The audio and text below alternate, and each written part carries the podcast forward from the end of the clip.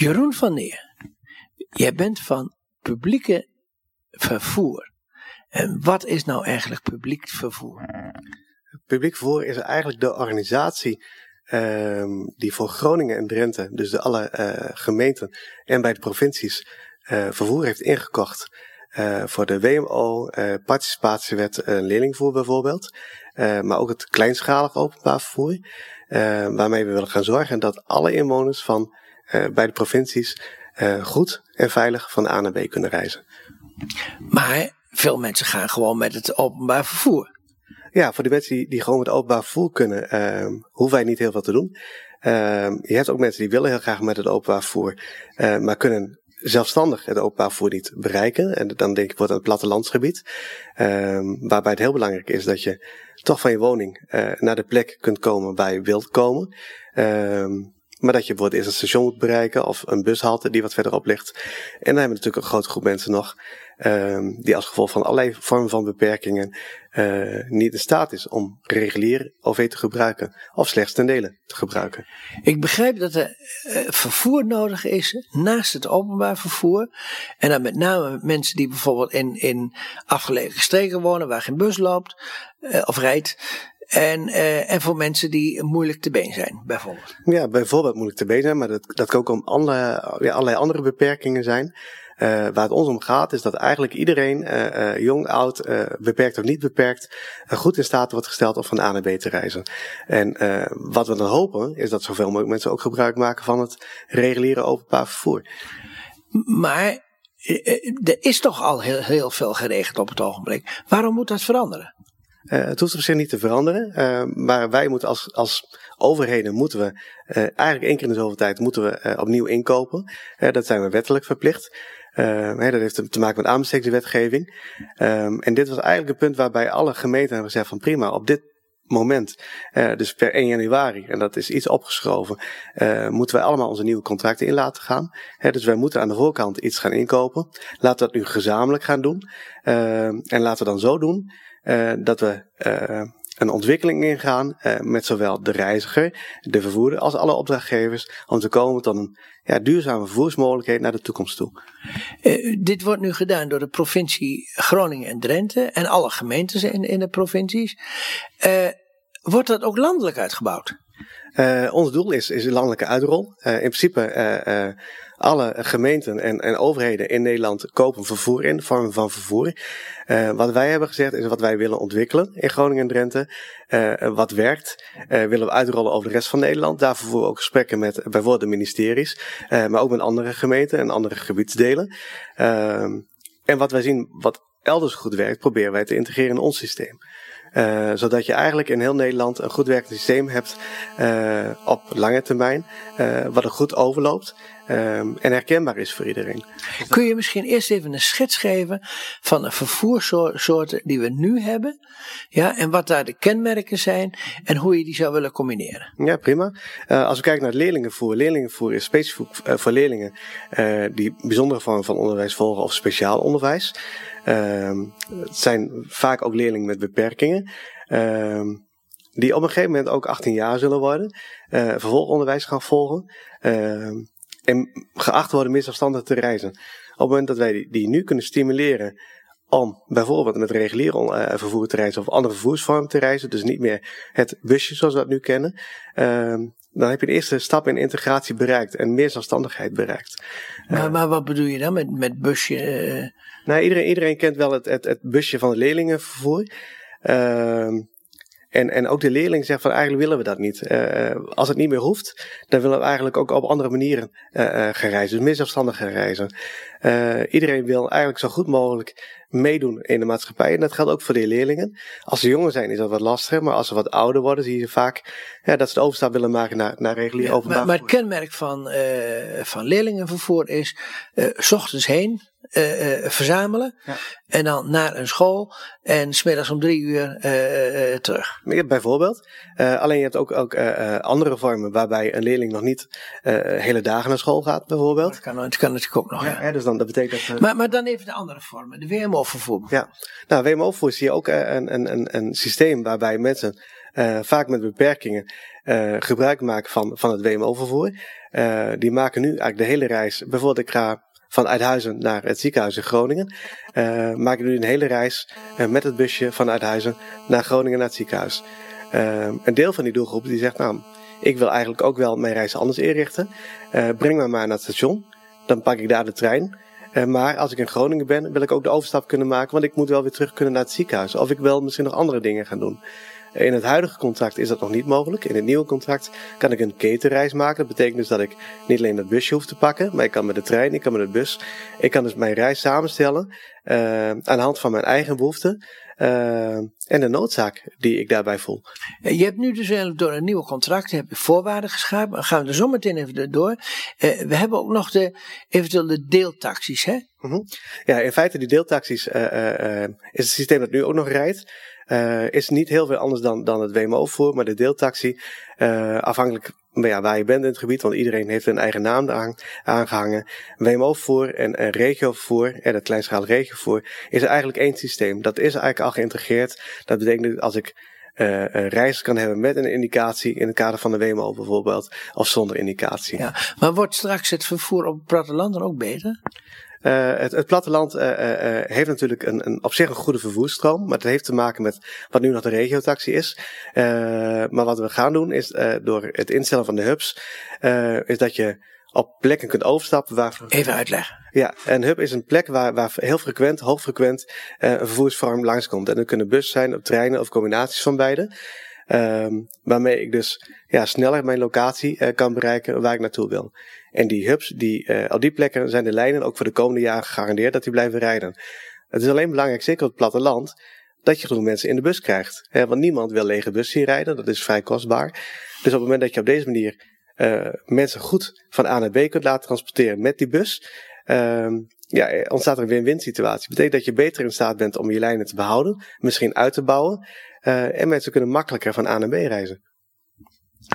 Voorwaarden scheppend ben je nu vanaf 2018 bezig.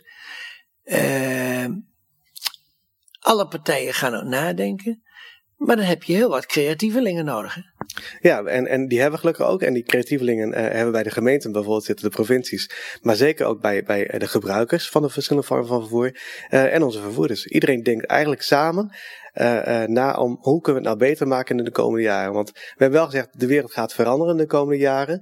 We hebben een contract over een lange periode. en een lange periode betekent ook dat er heel wat kan gaan veranderen. denk niet alleen aan brandstoffen, maar ook vervoersvormen, behoeften die mensen hebben.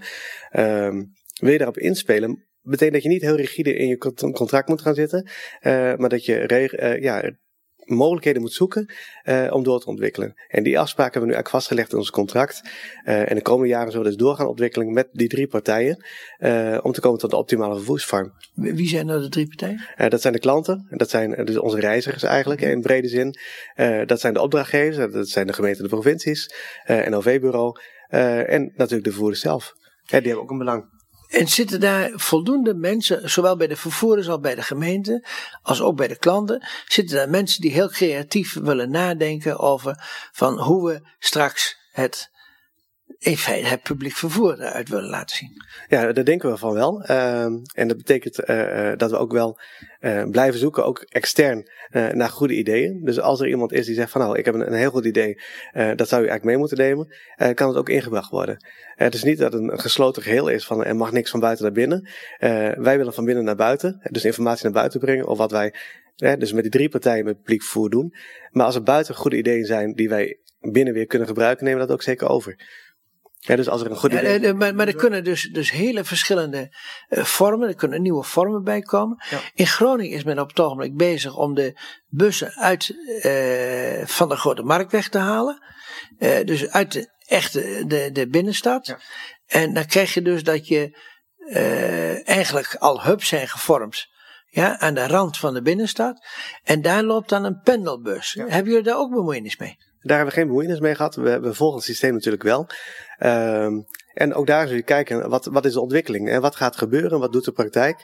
Um, ja, en waar gaat het naartoe? dus zijn er verbeteringen mogelijk? Uh, moeten er andere dingen gebeuren? Kunnen wij daar een bijdrage in leveren? Uh, en ook daarin is ieder idee natuurlijk welkom. Gaat dat lopen, die, die, die pendelbus? Hoe kijken jullie daar tegenaan? Um, ik, ik, denk het wel, want ik, ik denk dat er altijd een, een, bepaalde groep is die, die nu heel gemakkelijk nog met de bus de binnenstad inreist. Uh, straks dat niet kan doen, uh, maar wel de behoefte heeft om, om die reis te maken. Uh, en als dan de loopafstand bijvoorbeeld te groot wordt, uh, is het natuurlijk heel fijn dat er een voorziening wordt getroffen. ja, om mensen toch naar die binnenstad te kunnen brengen. Ja. Mijn ervaring was daar dat de plek waar de pendelbus stopt, die was niet te vinden. Mm -hmm. Dus er stond geen, niet echt een vlag, het was niet echt goed, goed gekenmerkt. En ja, ik, ik heb het idee dat er nog niet erg veel gebruik van wordt gemaakt. Nee, maar ik, denk dat, dat bij heel veel nieuwe ideeën zo is dat je, het moet naamsbekendheid krijgen, het moet doorgroeien, het moet doorontwikkeld worden. Um, en juist dat zijn dan wel signalen die dan opgepikt moeten worden. Dus op het moment dat u als gebruiker ziet van, hé, hey, ik kan, kan de plek niet of moeilijk vinden, uh, en dat zou wel nodig zijn natuurlijk om, om mensen uh, te wijzen van, van hé, hey, hier rijdt een busje. Uh, daarmee kan ik van A naar B komen. Als ik het niet weet, ja, dan, dan kom ik af niet meer. Of ik ga andere oplossingen zoeken. En daarmee zal niet het doel bereiken wat, wat je wil bereiken. Ja. Kun je nog eens wat meer beschrijven over van hoe die hubs er eigenlijk uitgezien en wat de functie daarvan is? Ja, de, de hubs vallen niet helemaal onder ons traject.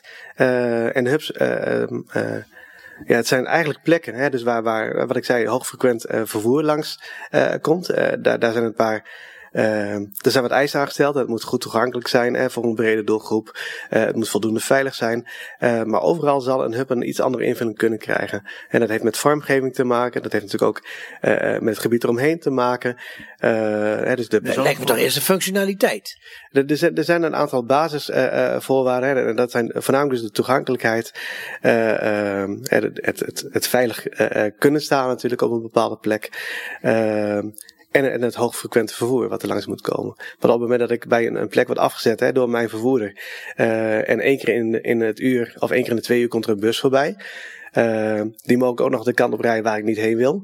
Ja, dan, dan heeft die hub geen meerwaarde voor mij. Ja, en, maar krijg je straks ook een soort centrale die, uh, die jou adviezen gaat geven uh, met welk publiek vervoer en welke uh, openbare vervoer je kunt reizen om bij een bepaalde plek te komen. Ja, dus er zijn eigenlijk twee, twee dingen die daar spelen. Eén is de, de opdracht die we hebben gegeven aan onze vervoerders van geef ook een OV-advies. Uh, uh, zeker als het gevraagd wordt en, en mensen in staat zijn om met het OV te reizen, is dat ontzettend belangrijk. Uh, maar zorg ook vervolgens dat, er een aansluiting plaatsvindt met het OV. Hè, dat ik inderdaad mijn trein haal, of als ik aankom, dat ik ook weer opgehaald word, tijdig opgehaald word. En het tweede is, is een landelijk traject waar wij in participeren. en dat is het Mobility as a Service traject. en dat houdt eigenlijk in dat ik als gebruiker van vervoer uh, mijn hele vervoersplanning kan maken. Waarbij ik aangeef wat mijn beperkingen zijn, wat mijn reisvoorwaarden en condities zijn. maar dat is iets wat ook nog wat, wat meer tijd in beslag zal nemen. dat gaat nog wat jaren kosten om, om ja, dat verder door tot ontwikkeling. Is er eigenlijk een nieuw, nieuw traject naast publiek vervoer. Kan een rolstoel nu al met de bus? Met de treinen is, is, is, het al redelijk geregeld, maar met de bus? Het, het kan, uh, niet altijd even optimaal. Ook daarin er zijn echt verbeterslagen te maken. Uh, daar zullen we ook aan, aan, gaan werken. Maar we zien dat het kan. Uh, alleen wat je natuurlijk heel graag wil, is op het moment dat je met die bus mee wil, dat het ook voldoende gemakkelijk wordt gemaakt. Hè? Dus of door medereizigers of door de maatschappij. Uh, zodat je ook met je rolstoel daadwerkelijk in die bus kan en dat je ja, plek hebt in die bus. En dat is natuurlijk heel erg belangrijk. Ja. Wat denken jullie over nachtelijk vervoer? Uh, ja, nachtelijk vervoer gaat, gaat uh, niet via ons, buiten dan het kleinschalige deel. dat valt dan onder ons. Ehm, en dat ligt echt bij, bij de provincies. Nou, maar voor WMO-vervoer is het wel degelijk van belang. Uh, ook een, iemand in een rolstoel, die moet s'nachts naar zijn schoolmoeder te kunnen als die op sterven ligt. Uh, ja, in, in, die, situaties uh, zal het ook echt zo moeten zijn dat er ja, voorzieningen zijn. En dat, dat is een, een, heel simpel iets. In, in noodsituaties zou je altijd moeten brengen. Maar dat zal ook meer maatwerk kunnen zijn.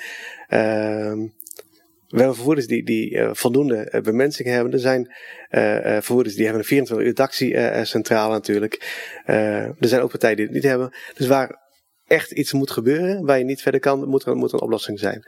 ja, er zijn wel stemmen die, die zeggen dat ja, nachtelijk vervoer wordt alleen maar door een aantal mensen gebruikt om laat in de kroeg te kunnen zitten. maar er zijn gewoon je moet namelijk mensen die een gehandicapt hebben, en vooral mensen die in een rolstoel zitten, die kunnen niet zomaar de buurman vragen om even ergens naartoe te gaan. Nee, nee zeker, zeker als je dat soort beperkingen hebt. En, en kijk, bij incidenteel gebruik van een rolstoel zie je nog vaak dat mensen het overstap kunnen maken naar een normale stoel. Mm. in een auto bijvoorbeeld. Elektrische rolstoel wil dat al vaak al niet meer. Daarbij kan die elektrische rolstoel niet in een auto. Dus daar, daar moeten gewoon voorzieningen voor zijn. En zeker is het zo dat Nee, maar ik wou het in ieder geval even onder de aandacht brengen. Ja, dat er in ieder geval aan gedacht wordt. Zeker, is zeker een punt. Uh, en dat is in het kader van het gehandicaptenverdrag, uh, wat, wat u wel kent, uh, zijn we ook gehouden om iedereen eigenlijk uh, soortgelijke uitgangspunten te bieden. Hè. Dus je moet als niet gehandicapt persoon, moet je iets kunnen doen. wat je ook als je wel gehandicapt zou, uh, zou zijn, zou je datzelfde moeten kunnen doen. dus het, het, mag niet zo zijn dat je handicap het onderscheid gaat maken. Ik hoop dat het vervoer in Groningen en Drenthe weer zo gemoedelijk mogelijk komt. En ik wens jullie heel veel succes en bedankt voor dit interview. Dank u wel.